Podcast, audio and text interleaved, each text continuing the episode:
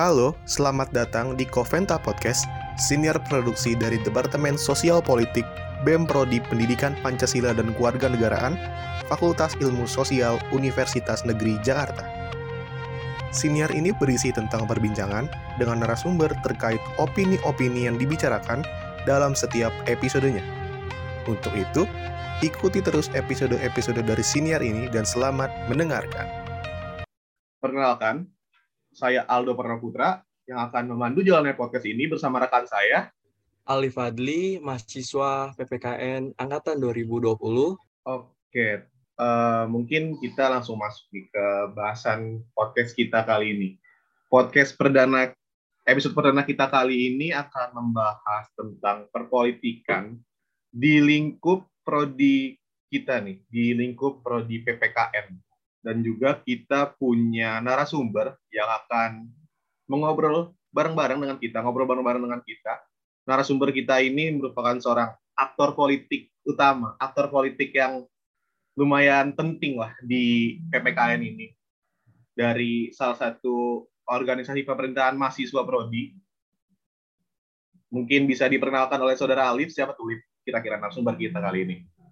Jadi hari ini kita kedatangan bintang tamu yang super spesial nih Bang.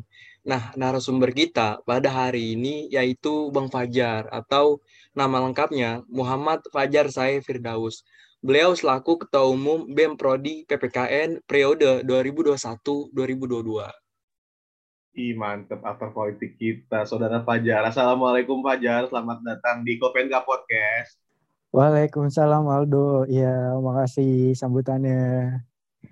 Oke, mungkin Fajar mau memperkenalkan diri lagi secara lengkap, secara uh, secara penyampaian secara lu lah gitu, penyampaian cara Fajar gimana nih, mendeskripsikan diri lu, memperkenalkan diri lu kepada para pendengar Koventa Podcast ini, dipersilakan Jan. Oke, terima kasih Aldo. Perkenalkan nama gue Muhammad Fajar saya Firdaus atau biasa yang dipanggil Fajar. Nah gue salah satu mahasiswa PPKN angkatan 2019. Nah di sini gue selaku aktor politik atau ketua umum dari Badan Eksekutif Mahasiswa Prodi PPKN 2021-2022. Gue manusia biasa dok. Ya dadah. Lanjut.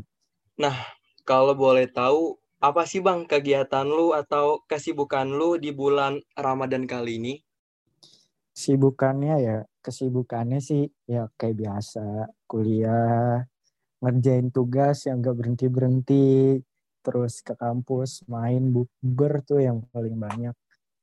Dan yang paling penting ya ibadah gitu. Jadi ya itu aja sih paling. Oke, okay, kegiatan kampus, ya. Mantap. Dan apakah situasi pandemi COVID-19 ini mengganggu ke efektivitas kegiatan lu sehari-hari gitu? Buat mengganggu sih enggak. Uh, dari pertama pandemi sampai uh, detik ini gitu enggak ada kendala apa-apa terkait uh, eh, COVID-19 ini gitu. Jadi kegiatan gue lancar-lancar aja di pandemi. Oke, terima kasih Bang jawabannya nih. Berarti pandemi COVID-19 tidak mengurangi rasa semangat lu untuk menjalankan kehidupan sehari-hari berarti gitu ya Bang? Pastilah, pasti, pasti itu. Semangat mah harus terus, karena kan COVID baru satu setengah tahun, sedangkan gue hidup udah kurang lebih 18 tahun yang lalu gitu dilahir. Masa kalah sama virus? Oke, mantap. Makasih Bang sebelumnya nih. Oke, mungkin langsung aja nih Bang Aldo. Oke Oke, setelah kita mengetahui uh, Fajar nih tadi setelah perkenalannya yang keren banget ya. Kita mungkin langsung masuk aja ke pembahasan kita tentang lagi tentang perpolitikan, entah itu demokrasi di prodi ataupun hal lain yang selanjutnya kita akan bahas. Mungkin pertanyaan pertama, pertanyaan pembuka buat Fajar. Saudara Fajar ini kan merupakan seorang ketua umum BEM PPKN yang udah gimana ya penting banget sih posisinya pasti. Dan udah menjabat sekitar beberapa bulan dari awal sejak dilantik. Uh, mungkin buat Fajar ada nggak sih kesan-kesan atau apa ya unek-unek atau cerita-cerita yang bisa ingin dibagikan kepada para pendengar Kopenta Podcast ini apa yang Fajar rasakan, apa yang saudara Fajar rasakan di BPPKN selaku ketua umum. Silakan, Jar. Oke, kalau misal ditanya kesan-kesan sih uh, karena emang uh, belum banyak gitu atau belum lama menjabatnya. Untuk sementara ini sih kesan-kesannya masih dikit. Nah, kesan pertama itu di luar ekspektasi lah. Bener-bener kayak oh gue memposisikan diri sekarang sebagai ketua jadi bukan sebagai staff lagi dan otomatis nih pala nih pikirannya hmm, udah pusing banget dok. Kalau di uh, dibilang kesan-kesan ya kesan-kesannya tuh yang pertama ya gue pusing gitu. Gue pusing dari perencanaan awal segala macam terus ada beberapa masalah terkait segala macam lah anggota segala macam proker dan lain-lainnya tapi kembali lagi itu itu merupakan tanggung jawab seorang ketua umum. Gitu sih dok. Karena emang belum banyak juga. Dan belum lama juga gue menjabat. Jadi kesan-kesannya sih ya itu pusing gitu pusing. Dan rutinitas pun dan skala prioritas yang gue jalani selama satu tahun ke belakang itu ya otomatis diubah gitu sama uh, selagi pas banget gue dilantik gitu sih. Ya kesan-kesannya masih masih sedikit banget. Kalau boleh tahu apa sih motivasi lu bang dalam menjaga stabilitas BEM Prodi PPKN gitu? Pastikan manusia itu ya uh, ada rasa malas, rasa capek dan uh, rasa apa pun itu dan bagaimana motivasi lu untuk bisa membakar semangat lu lagi gitu? Oke, kalau misal ditanya uh, gimana cara gua membakar semangat gua, yang pertama itu uh, ingat gitu tanggung jawab atau komitmen awal kita. Nah, ketika gue mencalonkan diri sebagai ketua umum dan uh, akhirnya gue sekarang sebagai ketua umum ya otomatis gue emang harus harus dan wajib itu berkomitmen ke BEM itu. Jadi ingat tujuan awal lu di BEM itu buat ngapain dan tujuan awal lu di BEM itu bakal ngapain aja gitu, bakal ngapain aja ke depannya. Dan ingat gitu, gue mah uh, selalu ingat ya ketua umum ini sebagai amanah yang harus gue pegang tanggung jawab dan uh, gak menutup kemungkinan gue katakan ini beban gitu. Karena uh, semua orang yang emang memimpin uh, memimpin dirinya sendiri aja udah menjadikan dirinya sendiri itu sebagai beban. Apalagi kita memimpin orang lain gitu. Tapi kembali lagi gitu lo ingat gitu tanggung jawab lo di sini tuh sebagai apa lu mau ngapain aja sama komitmen awal lu sih kayak gitu. Jangan jangan kendor aja gitu. Jaga terus mentalnya ya. Masalah atau masalah kecil sedang besar mah itu ya udah biasa lah di kehidupan kayak gitu ya sih. Uh, mungkin gue punya pertanyaan ini jawabannya dengan opini lo sebagai seorang pemimpin organisasi menurut Faj menurut Fajar setelah beberapa proker, ada beberapa proker yang sudah dilewati oleh BMP PPKN. Dari pandangan seorang Fajar sebagai pemimpin organisasi, eh, apakah staf-stafnya sudah berjalan dengan lancar, dengan kompak, atau mungkin ada kekurangan buat Fajar? Kita mengeluarkan opini aja nih Jar, terkait tentang oh, kondisi staf-staf. Oke, okay, kondisi staff-staff ya selama kurang lebih 2 sampai 3 bulan menjabat dan beberapa proker dijalani, gue melihatnya sih staff-staff dan uh, pengurus gitu, pengurus dari BMP PPKN, ya alhamdulillah gitu udah mulai kompak. Karena kalau misalnya gue katakan sudah kompak pun belum dan gue katakan tidak kompak pun ya berada di tengah-tengah gitu ya. Namanya juga kita masih proses belajar dan proses menyesuaikan satu sama lain gitu kalau semisal gue lihat dari uh, beberapa proker ke belakang yang emang udah dilaksanain, ya alhamdulillah sih gue menilainya itu lebih ke kompak. Jadi, oh ini udah kebentuk nih kekeluargaan dan kekompakan dari BMP PPKN gitu. Kayak gitu sih, Do. Jadi penilaian gue terhadap staff-staff selama ini selama 2 sampai 3 bulan menjabat itu ya udah mulai kompak dan gue nggak bisa mengatakan kalau misalnya staff-staff itu nggak kompak karena masih proses belajar dan menyesuaikan gitu aja sih dok. Jawaban yang cukup keren dari saudara Fajar. Saya sebagai salah satu stafnya juga mungkin jadi termotivasi untuk meningkatkan kekompakan kita, kekompakan para staf di BMPPKN ini. Wih, seru banget nih Bang ya, jawaban dan respon dari Bang Fajar nih terkait pertanyaan pertama kita. Mungkin langsung aja kita masuk ke pertanyaan kedua. Ada nggak sih hambatan-hambatan yang udah terjadi selama menjabat sebagai Ketua Umum BEM PPKN dan gimana Bang Fajar memecahkan masalah itu, Bang? Uh, sebenarnya sih hambatan-hambatan itu udah pasti ada.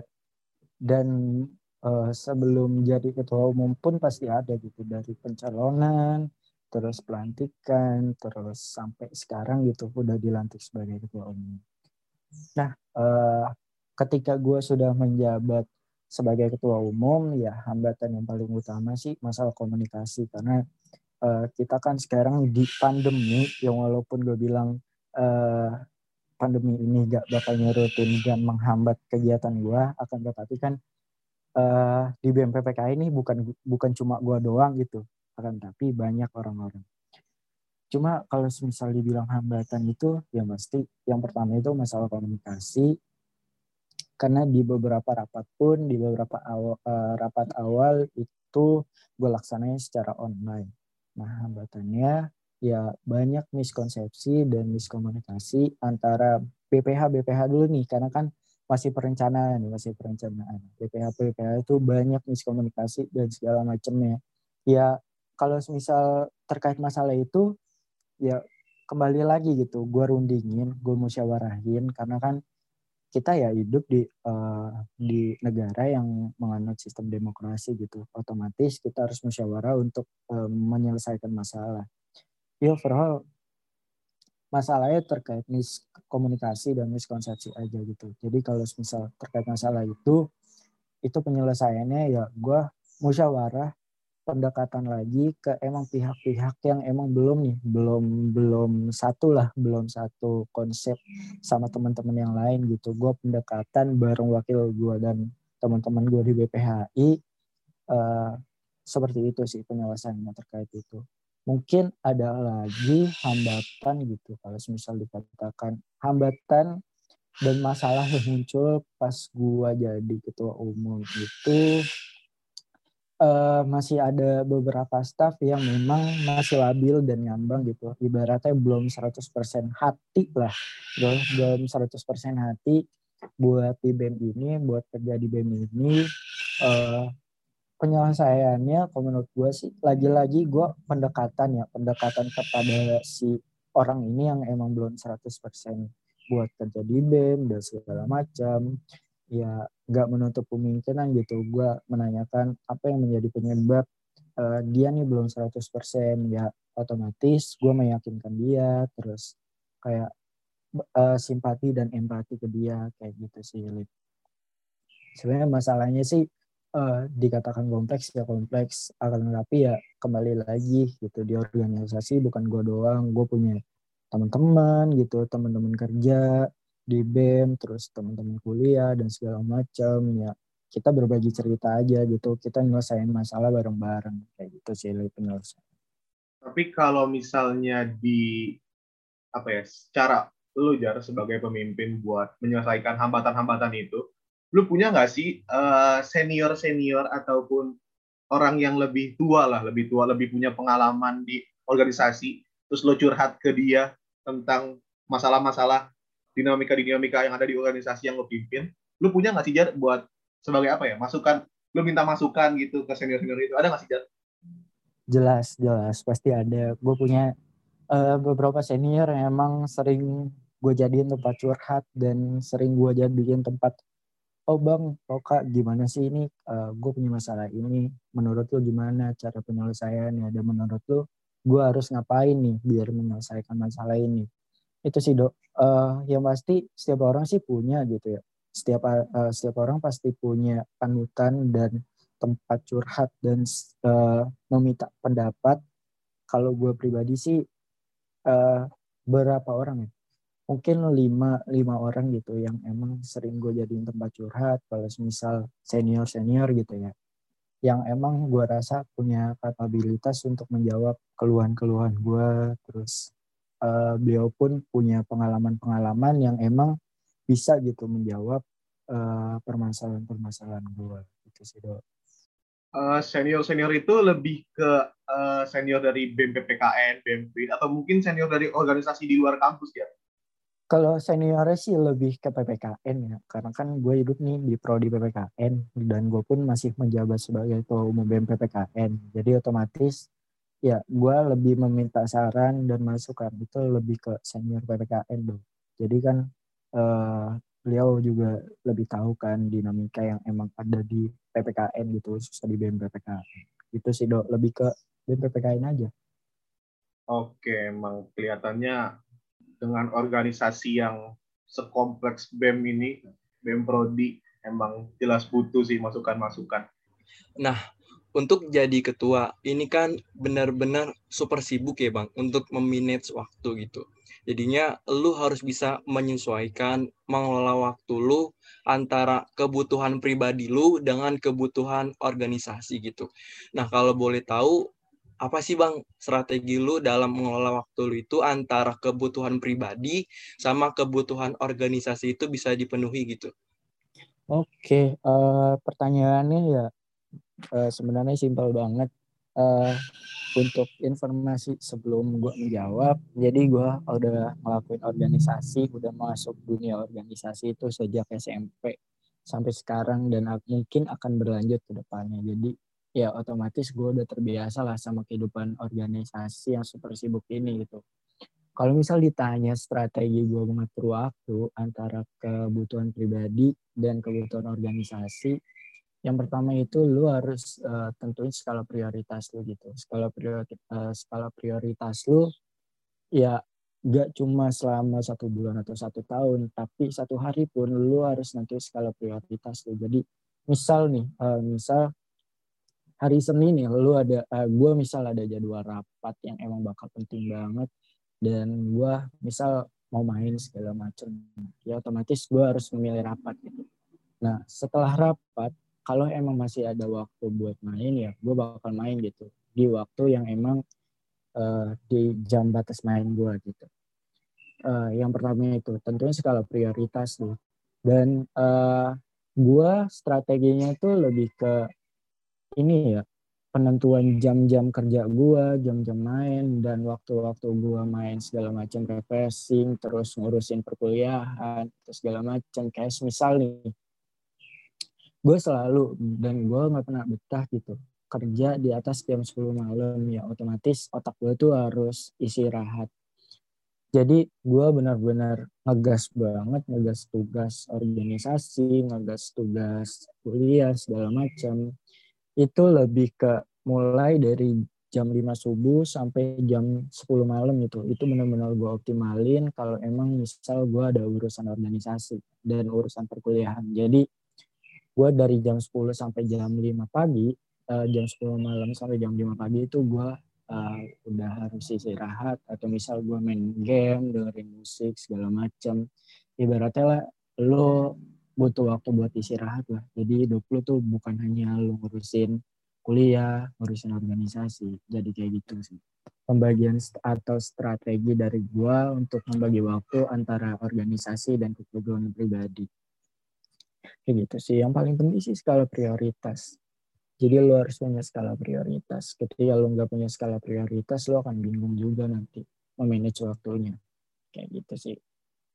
Kayak gitu aja, Lip paling kalau gue mah simpel sih nentuin jam-jamnya aja nentuin jam-jam kayak lo harus kerja jam berapa terus lo harus istirahat jam berapa terus gue tuh punya kebiasaan ketika emang gue nih bener-bener full uh, misal nih gue senin sampai kamis itu full banget kegiatan organisasi atau perkuliahan. Dan sampai gue tuh gak pernah main atau gak pernah istirahat. Dan otomatis di Jumat Sabtu minggunya itu hari-hari setelahnya itu otomatis gue isi buat uh, refreshing diri gue gitu. Ibaratnya reward lah hadiah buat diri gue yang emang empat hari ke belakang atau beberapa hari ke belakang itu super super sibuk gitu sih.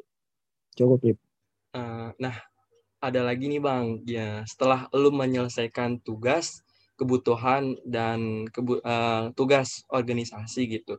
Kebiasaan seperti apa untuk mengapresiasi diri lu sendiri agar bisa uh, melepaskan rasa stres lu gitu bang dari tugas-tugas yang menyangkut diri lu sendiri? Kalau uh, kebiasaan apa mungkin yang sering gue lakuin itu gue tuh jajan gitu. Gue jajan. Misal kayak gue sibuk banget nih anjir. Uh, kayak uh, beberapa hari ini gue sibuk. Terus hari-hari gue full tuh ini otak gue dikasih mikir mulu nih. Terus ya besok kalau misal gue ada uang ya gue bakal jajan gitu. Ibaratnya itu gue menganggap kalau jajanan itu tuh hadiah buat gue terus ya reward lah ibaratnya reward buat lo yang emang udah full kerja kayak gitu. Terus ada lagi sih uh, kayak gue misal jalan jalan nonton bioskop segala macem. Makan di luar segala macem. Itu sih uh, juga bentuk itu mengapresiasi diri gue terus sama mungkin ini uh, agak freak sih agak freak kebiasaannya. Tapi gue yakin ini semua orang dan atau beberapa orang pun melakukan hal ini ketika emang lagi stres.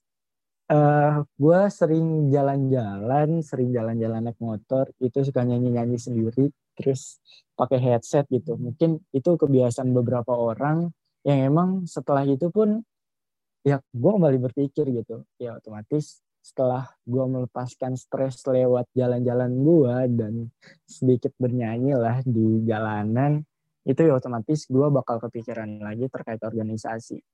Tapi itu beda beda pemikirannya. Jadi lebih nggak pas stres. Jadi fresh lagi nih otak gue buat berpikir kayak gitu sih.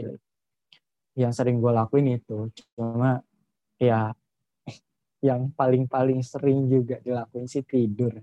Tidur sih udah pasti. Gitu sih. Oke, terima kasih Bang atas jawabannya nih. Uh, semakin termotivasi banget ya. Gimana caranya menyelesaikan hambatan-hambatan dalam menjabat sebagai ketua umum. Mungkin untuk pertanyaan kedua. Oke, next. Ini pertanyaan kita mau memperkenal, mau berkenalan lagi dengan Fajar. Tapi kita ingin berkenalan jauh dari, nggak terlalu jauh sih dari jabatan Fajar sebagai ketua umum BEM gue ini kan secara pribadi sebagai teman Fajar ya sebelum dia menjabat sebagai ketua umum tuh lagi nongkrong di warkop dia bahas uh, tentang desain kampanye desain tentang macam-macam lah tentang pencalonan dia saat lagi mau jadi ketua umum gitu calon ketua umum mungkin dari Fajar bisa nggak sih uh, ceritain ke kita gimana cerita-cerita lu pribadi saat mulai nyemplung saat ingin mulai masuk ke sebagai aktor utama Hopmawa PPKN gitu sebagai ketua umum BEM PPKN. Mungkin lo bisa berbagi cerita lo gimana dari awal pendaftaran, mulai kampanye sampai pemilihan bahkan sampai pelantikan. Mungkin lo punya cerita-cerita yang lucu, cerita-cerita menarik. Oke, kalau misal ditanya terkait pengalaman atau cerita dari awal pendaftaran sampai sekarang tuh gimana ya gue bahasanya gue pas maba tuh pas jadi maba sebenarnya cita-citanya tuh bukan jadi ketum dong kayak lu udah tahu juga gitu cita-cita gue pas jadi maba. Gue penjadi K3 tapi gue nyasar jadi ketum. Ya kalau misal ditanya gitu cerita-cerita apa sih yang gue alamin dari proses pendaftaran jadi ketum terus ya pokoknya proses lah dari awal sampai sekarang gue jadi ketum. Tuh yang pertama sih gue gue sih niatan jadi ketum itu dalam dua bulan terakhir kepengurusan di gue sebagai staff itu gue baru pikiran emang bakal jadi ketum uh, untuk mencalonkan diri gitu, untuk mencalonkan diri sebagai ketum itu di dua bulan terakhir kepengurusannya Bang Indra gitu. Dan gue sebagai staff. Jadi gue uh, benar-benar pure uh, selama dua bulan itu gue berpikir nih, gue mau ambil uh, pencalonan ini atau jabatan ini atau enggak. Dan di situ pun banyak senior-senior yang emang meyakinkan gue dong, yang meyakinkan gue buat, ya udah lo ambil aja, lo coba aja gitu. Kalau bukan lo siapa lagi? Dan teman-teman lu pun ya banyak yang yakin walaupun gak semuanya yakin. Di situ tuh gue termotivasi buat mencalonkan diri sebagai caketum ya. Masih statusnya tuh caketum gitu di situ nah terus gue ngomong lah nih sama orang tua gue ya kan. Nah orang tua gue tuh pertama kurang setuju lah. Kurang setuju bahwa gue jadi ketum. Karena eh, yang mungkin berpikiran kalau misalnya jadi ketum tuh lo harus demo lu harus orasi dan takut ketang, uh, ketangkap polisi lah ibaratnya. Ya ya mungkin itu emang emang uh, kekhawatiran orang tua gitu um, tapi ya gue mencoba meyakinkan orang tua gue buat ya kalau misal gue jadi ketum nih gak gak melulu harus tentang demo tapi banyak urusan yang emang bakal gue urusin dan gue pun bakal belajar memimpin diri gue dan orang-orang lain yang emang ada di periode PPKN. Jadi kurang lebih ada berapa sih mahasiswa 400 lebih ya 400 lebih mahasiswa PPKN dan dosen juga gitu yang emang bakal gue pimpin dan gue diberi amanah gitu, nantinya jadi ketua. Nah setelah itu gue buka omongan nih ke beberapa senior yang emang masih mahasiswa aktif dan beberapa teman-teman gue termasuk lo ya dok termasuk lo terkait pencalonan gue sebagai caketum waktu itu ya gue meminta uh, keyakinan lah keyakinan. Karena di situ tuh gue masih labil sebenarnya masih belum 100% yakin buat mencalonkan diri. Tapi di situ tuh gue mencoba mencari uh, keyakinan dari teman-teman gua terus dari senior-senior juga yang emang masih jadi mahasiswa aktif. Terus gua juga uh, minta nih pendapat-pendapat dari alumni-alumni yang emang udah berkecimpung duluan gitu di dunia perbeman setelah gua minta keyakinan dari teman-teman gua terus yang alumni ya otomatis nih keyakinan gue meningkat nih jadi walaupun yang belum 100% dan segala macam ya 80% lah gue yakin buat mencalonkan diri. Nah, sering berjalannya waktu di situ gue mulai kayak nyari-nyari tim ses gitu, nyari-nyari tim ses segala macam yang emang bakal membantu gue di pencalonan diri ini gitu. Ya agak susah sih sebenarnya uh, nyari tim ses itu karena kan gue nggak tahu nih keberpihakan dari si orang ini tuh bakal ke mana apakah dia mendukung gue atau uh, menolak gue sebagai ketum tapi gue berusaha buat mobile aja sih gue nggak apa sih gue nggak beranggapan kalau misal oh dia nih bakal nggak nggak bakal ngedukung gue gitu. Ibaratnya kontrak sebagai uh, sama gue sebagai ketum gitu nantinya. Tapi di situ gue berusaha mobile dan gue berusaha uh, rendah rendah hati dan rendah diri juga. Gue menanyakan gitu dok kepada mahasiswa PPKN 19 khususnya dan mungkin uh, perwakilan dari uh, angkatan 2020 itu gue kurangnya di mana sih? Kayak kira-kira uh, apa sih yang harus gue evaluasi? Terus apa sih harapan lu? Terus segala macamnya. Dan gue pun di situ minta maaf lah ibaratnya mengakui kesalahan-kesalahan gue selama uh, satu setengah tahun lah jadi mahasiswa. Itu gue mengakui kesalahan-kesalahan gue yang otomatis ya. Alhamdulillah gitu beberapa mahasiswa pun gak banyak gak dikit tapi ya sedang lah sedang mendukung gue buat jadi ketum dan akhirnya bergabung di uh, tim seskuah gitu. Uh, terus abis itu ya pendaftaran segala macem gue ikutin alur kampanye segala macem itu gue ikutin. Terus ya karena emang gue punya basic dikit lah tentang desain segala macem dan yang emang pun gue uh, minta bantuan ke teman-teman gue yang bisa desain ya otomatis alhamdulillah lancar-lancar aja sih kalau misal uh, terkait desain segala macam terus kampanye segala macam karena gue pun udah mempercayakan nih kepada tim ses tim ses gue terus sama teman-teman gue buat mengkampanyekan gue gitu. Dan di situ gue tekenin ke tim ses tim ses gue buat enggak usah terlalu gembar-gembor membanggakan gue gitu. Akan tetapi ya lebih meminta pendapat aja. Karena kan walaupun nantinya gue gak dipilih sebagai ketum pas saat itu gue berpikir tuh gue bakal andil juga nih di bem. Jadi uh, otomatis masukan-masukan dari mereka pun akan disampaikan ke ketua umum yang emang bukan gua gitu bukan gua kalau misal gua nggak upil gitu. Setelah nih, udah nih eh, singkat cerita kepilih lah kepilih jadi ketum. Nah kepilih jadi ketum tuh eh udah nih gue langsung pikiran. Itu tuh gue inget banget pelantikannya itu sekitar jam 4 sore. Gue ngezoom tuh dari pagi jam setengah sembilan. Uh, ibaratnya dilantik udah butek lah udah butek. Uh, di situ tuh dilantik di zoom. Yang lucunya sih yang lucunya ya karena pelantikan di zoom gak gak ada nih gak ada. Karena kan ketua umum tuh biasanya kalau misalnya ngelantik tuh ketua umum sama ketua umum itu uh, ketua umum yang lama itu naruh Al-Quran gitu ya di atas uh, kepala ketua umum yang baru. Nah ini yang lucunya sih gue di taruhnya itu sama senior gitu, senior PPKN gitu, senior gue di PSDM itu ditaruh Al-Quran di atas kepala gue. Itu gue bener bawa Al-Quran tuh, bawa Al-Quran kecil karena gue udah niat kan, udah niat takutnya gue malah disuruh pegang sendiri. Terus yang lucunya sih di situ gue punya wakil, namanya Maul. Nah ini lucu dok, gitu. Mau malah pakai Yasin gitu Yasin. Yasin buat uh, pelantikan gitu. Pas pelantikan itu ya. Yang nggak apa-apa sih karena kan emang di situ juga ada ayat-ayat Al-Quran yang emang ada di Al-Quran juga gitu.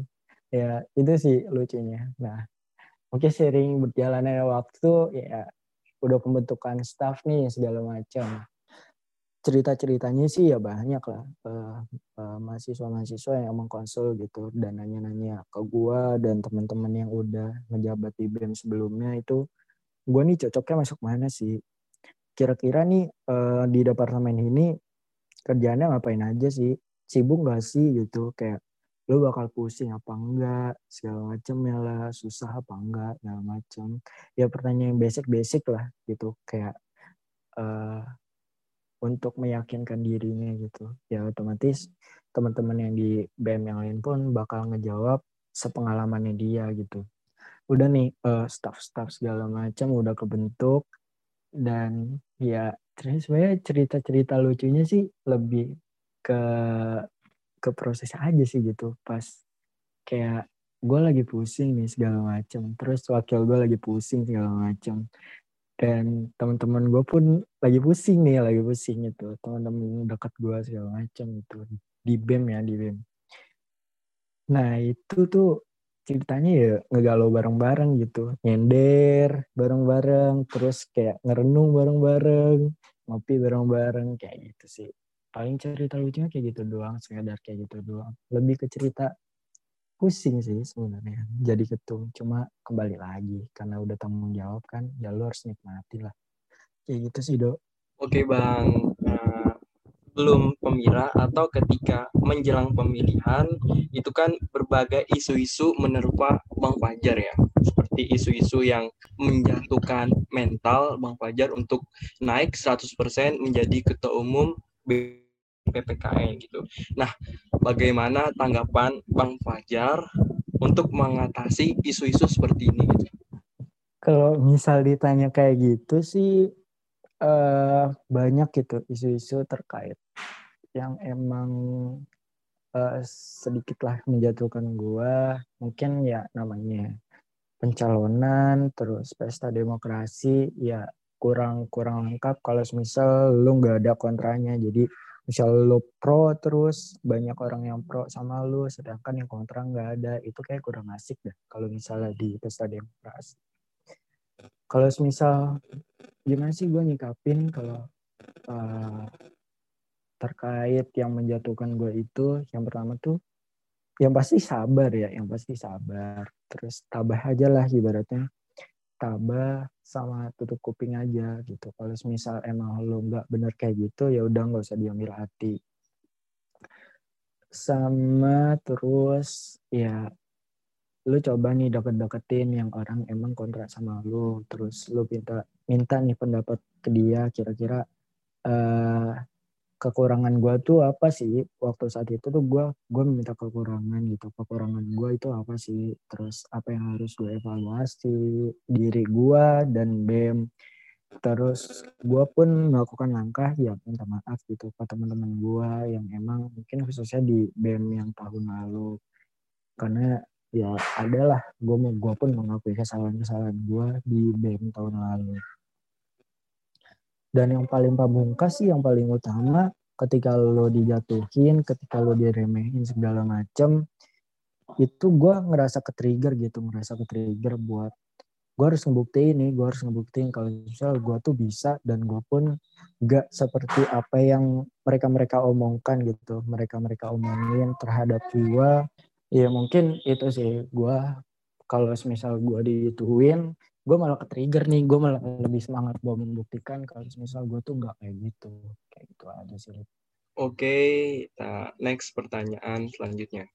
Setelah melewati Mira, punya gak nih Bang saran atau kritik atau apa pun itu terhadap uh, eh, KPU menurut Bang Fajar apa sih sarannya gitu dari uh, menyelesaikan permasalahan ini? Misal saran dan pesan ya terkait KPU uh, eh, namanya juga masih belajar gitu. Ya gue sih lebih uh, penekanan gue tuh inget kata-kata Bang Maul salah satu senior kita Bang Maulana Malik Ibrahim.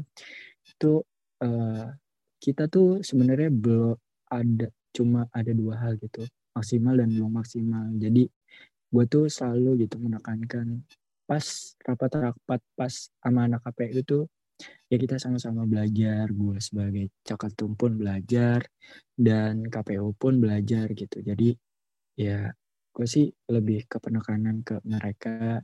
Ya kita sama-sama belajar lah.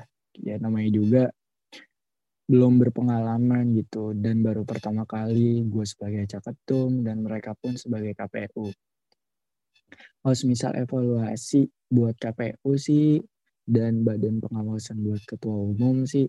Sebenarnya uh, lebih ke peningkatan profesional aja gitu dan komunikasinya dijaga karena uh, kalau misal emang KPU-nya nih nggak profesional ya otomatis pun pesta demokrasinya pun dinilai ya kurang kurang maksimal lah kurang maksimal dan kurang efektif ketika emang KPU-nya nih kurang uh, profesional gitu dan komunikasinya juga dijaga sih karena pas kemarin pun ada nih karena kan uh, eh, KPU tuh turunan ya, turunan uh, peraturan-peraturannya tuh.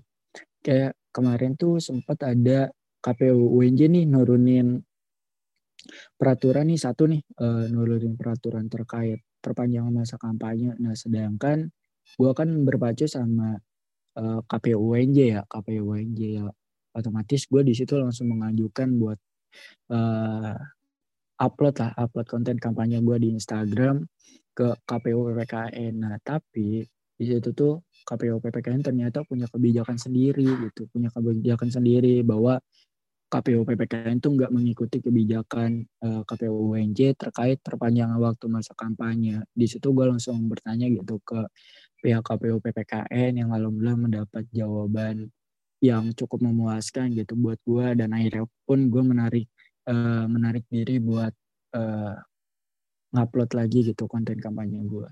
Sebenarnya itu sih Lip. Kalau gue sih uh, gak pandai menilai orang dan gak pandai mengevaluasi orang. Cuma kalau misal disuruh mengevaluasi sih lebih ke situ aja gitu. Kita sama-sama belajar. Kayak gitu aja sih Lip. Tadi setelah Wajar berbagi cerita-cerita tentang awal pemilihan pemira ya sebagai ketua umum pastikan punya apa ya punya pengalaman-pengalaman sebagai selayaknya kakak dan abang sebagai senior uh, mungkin ingin memberikan masukan-masukan kepada adiknya nih. Jadi pertanyaan selanjutnya dari gua itu uh, setelah Fajar mengikuti pemira proses pemira dari awal sampai akhir pelantikan uh, mungkin punya saran nggak sih ke teman-teman 20 nih teman-teman pendengar 20 nanti yang punya cita-cita punya semangat untuk memimpin Opmawa kita memimpin BEM PPKN kita selanjutnya punya saran nggak sih uh, dari Fajar sendiri gitu gimana? Uh, kalau ini sarannya buat buat orang yang bakal nyalon jadi uh, caketum atau gimana dok? Iya, yang mau ikut partisipasi jadi caketum di Pemira. Oke. Okay. Uh, yang pertama sih motivasi apa yang bakal gue beriin. Yang yang pertama tuh semangat. Dan lu tuh pandai-pandai gitu buat ngebaca situasi dan ngebaca masalah apa yang emang terjadi di satu periode gue nih. Satu periode gue tuh masalah-masalahnya tuh apa sih? Dan lu tuh harus sudah ngebaca beberapa masalah yang bakal terjadi ke depan. Kayak misal gue tuh uh, pas jadi cakatum itu gue uh, contoh ya, contoh gue tuh lebih memfokuskan ke kekeluargaan dan kekompakan di BEM gitu. Ya otomatis gue harus mengevaluasi apa yang menjadi keresahan gue pas jadi caketum dan gue laksanakan pas gue jadi ketum ini. Itu sih. Yang pertama itu lo harus pandai baca situasi. Sama lo harus pandai-pandai baca masalah yang ada satu periode ini dan nanti ketika lo bakal jadi ketum. Yang kedua sih gue lebih ke penekanan ya Eh, menjadi ketua umum itu sebenarnya bukan eksistensi do ya. Dan lo jadi perokok organisasi itu jangan mengharapkan eksistensi deh. Jangan mengharapkan eksistensi karena uh, ketika lo mengharapkan eksistensi lo sebagai uh, sebagai ketum atau lo sebagai organisasi ya otomatis lo akan meng, uh, menaikkan eksistensi lo doang. Sedangkan case misal nih ya case misal uh, tujuan lu buat mengangkat eksistensi pribadi lu sebagai uh, ketum lah.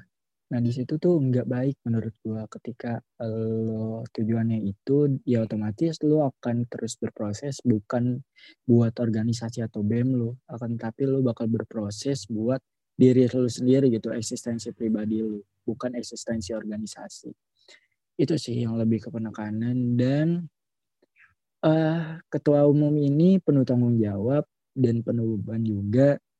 Tapi kembali lagi itu ya namanya ketua umum ya otomatis ketika lu udah memutuskan diri buat menjadi caketum ya lu udah harus bisa ambil resiko resiko yang bakal lu hadapin ke depannya. Kayak gitu sih dok.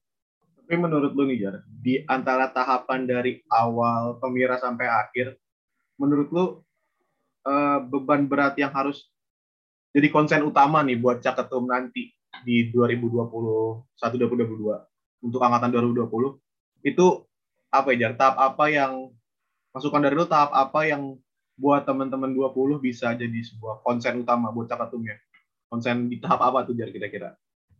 Konsen buat selama periodisasi pemira itu menurut gue sih ke kampanye ya ke kampanye. Karena di situ tuh lu emang benar-benar harus mengkampanyekan diri lu meyakinkan orang-orang dengan visi dan misi lu sama apa yang bakal lu bawa satu uh, satu periode ke depan itu tuh yang menurut gue sih yang paling berat itu di masa kampanye. Uh, uh, selain daripada lu harus meyakinkan orang lu tuh pasti punya banyak haters gitu pasti punya banyak uh, kritikan masukan segala macam yang emang gak serak nih di hati lu. Yang mungkin menurut kemungkinan ya namanya orang beda-beda itu bakal masuk hati dan bikin sakit hati.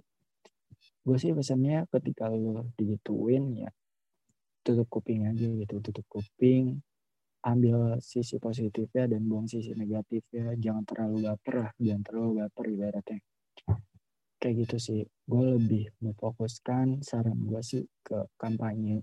Karena di situ selain lo harus meyakinkan orang lo pun bakal dapat banyak kritikan lu bakal dapat banyak haters segala macam kayak gitu sih dok. Oke, uh, makasih bang atas jawabannya. Tadi kan yang diolas itu hanya buat angkatan baru aja nih ya ruang lingkupnya. Nah, gimana caranya uh, buat ruang lingkupnya membuat mahasiswa, gimana partisipasi berdemokrasi menurut pandangan Bang Fajar gitu?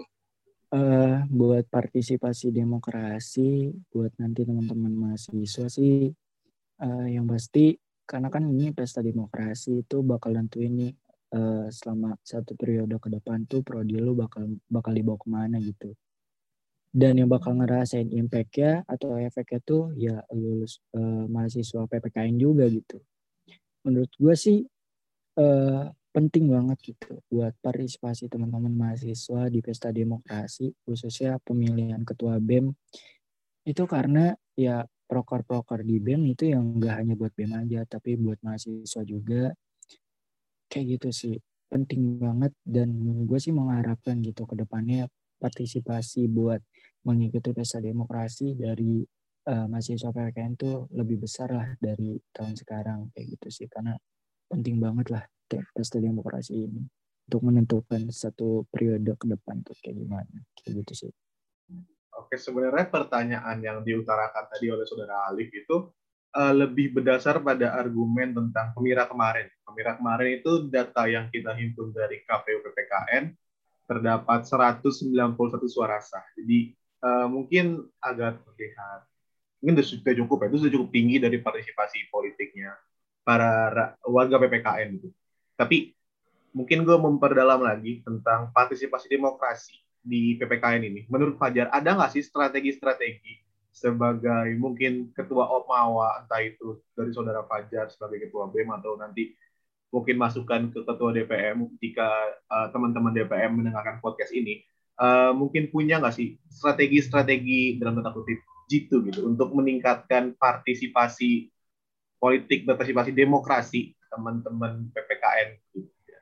Ada nggak sih kira-kira? Oh. Oke, okay. paling strategi utama gue sih, gue tuh selalu uh, menekankan ke pendekatan lo. Jadi uh, ketika gue misalnya gue mencalonkan diri sebagai uh, gue nih udah udah jadi ketum nih, otomatis gue harus men, uh, melakukan pendekatan ke mahasiswa-mahasiswa buat nantinya ikut di proker gue dan pun akan uh, akan lebih baik gitu buat teman-teman mahasiswa mengikuti uh, pesta demokrasi. Mungkin uh, cara ini bisa diterapkan oleh teman-teman DPM. Jadi sih gue berprinsip ya lo datang bukan cuma lo ngajak aja, tapi lo tuh melakukan pendekatan, melakukan sosialisasi intim lah, lebih intim. Kan kalau misal uh, yang dilakukan saat ini pun lebih ke sosial media segala macam akan tapi enggak nih enggak ah, ada nih ajakan-ajakan langsung buat mengikuti pemira ini gitu. gue sih strategi gue lebih ke pendekatan aja sih dok buat uh, ke depannya ya biar partisipasi dari pesta demokrasi uh, tahun-tahun ke depannya itu lebih baik lagi karena menurut gue sih gak bisa disalahkan juga ya partisipasi tahun ini sedikit lah ibaratnya belum ada setengah dari jumlah mahasiswa PPKN karena ya pandemi terus uh, pemungutan suara ulang karena kemarin kan sempat ada beberapa masalah dari KPU pusatnya kayak gitu sih dok. Lebih ke pendekatan aja dok kalau gue oke uh, kemudian setelah ini apa sih Bang harapan Bang Fajar terkait Okmawa-Okmawa di PPKN gitu dan juga apa aja yang harus dipersiapin khususnya mahasiswa baru yang akan melanjutkan sebagai tonggak organisasi di periode uh, sudahnya gitu. Uh, harapan-harapannya sih buat Okmawa dulu ya.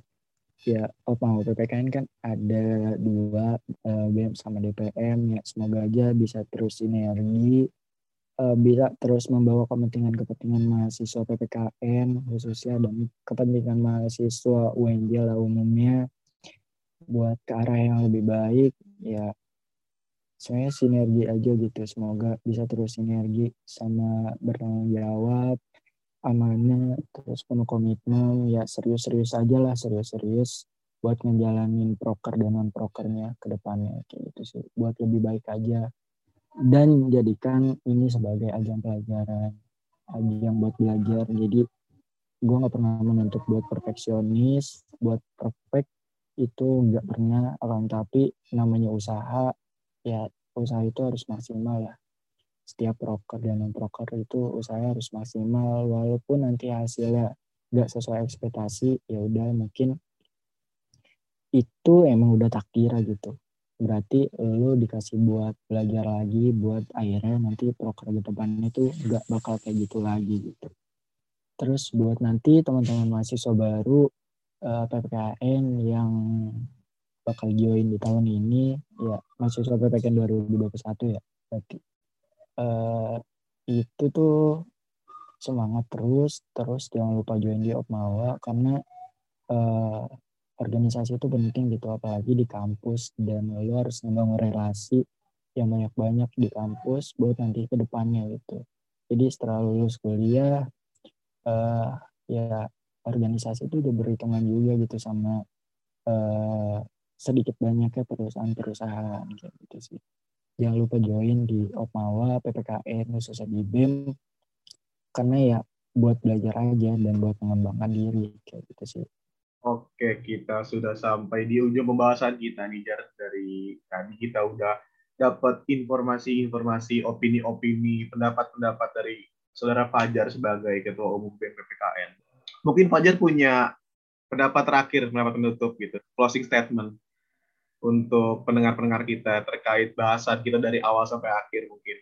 Punya aja untuk closing statement untuk pendengar kita kali ini. Closing statement, aduh bingung gua kalau disuruh kasih uh, closing statement. Yang pasti yang pertama itu harus semangat gitu, harus jaga mental, jaga fisik segala macam. Dan ketika emang nanti uh, Allah emang men, uh, atau Tuhan gitu mentakdirkan kalau misalnya kita membuat rencana dan rencana itu hancur, ya lu harus mendapatkan diri gitu bahwa rencana lu dihancurkan oleh Tuhan itu sebelum rencana itu menghancurkan lu gitu. Jadi ambil sisi positif aja terus dan buang sisi negatifnya.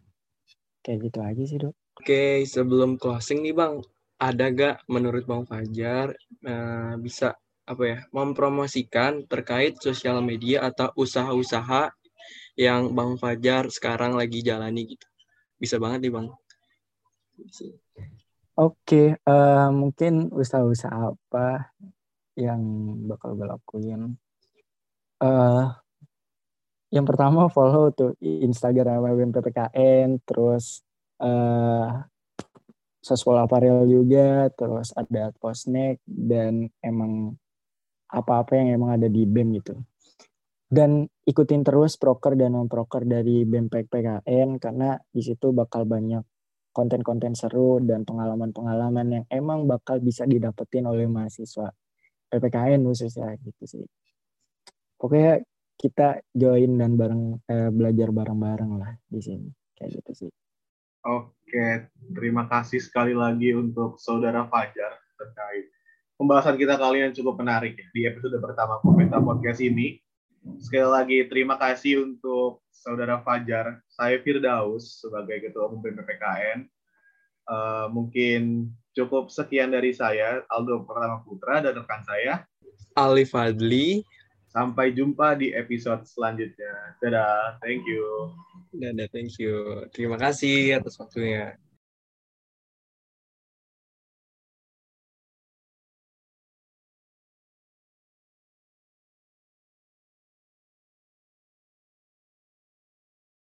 Terima kasih telah mendengarkan Coventa Podcast, senior produksi dari Departemen Sosial Politik BEM Prodi Pendidikan Pancasila dan Kewarganegaraan, Fakultas Ilmu Sosial Universitas Negeri Jakarta. Ikuti terus episode-episode selanjutnya dari Coventa Podcast dan ikuti juga perkembangan dari BEM PPKN FIS UNJ melalui Twitter BEM PPKN underscore UNJ dan Instagram at BEM PPKN underscore UNJ serta YouTube-nya di BEM PPKN UNJ.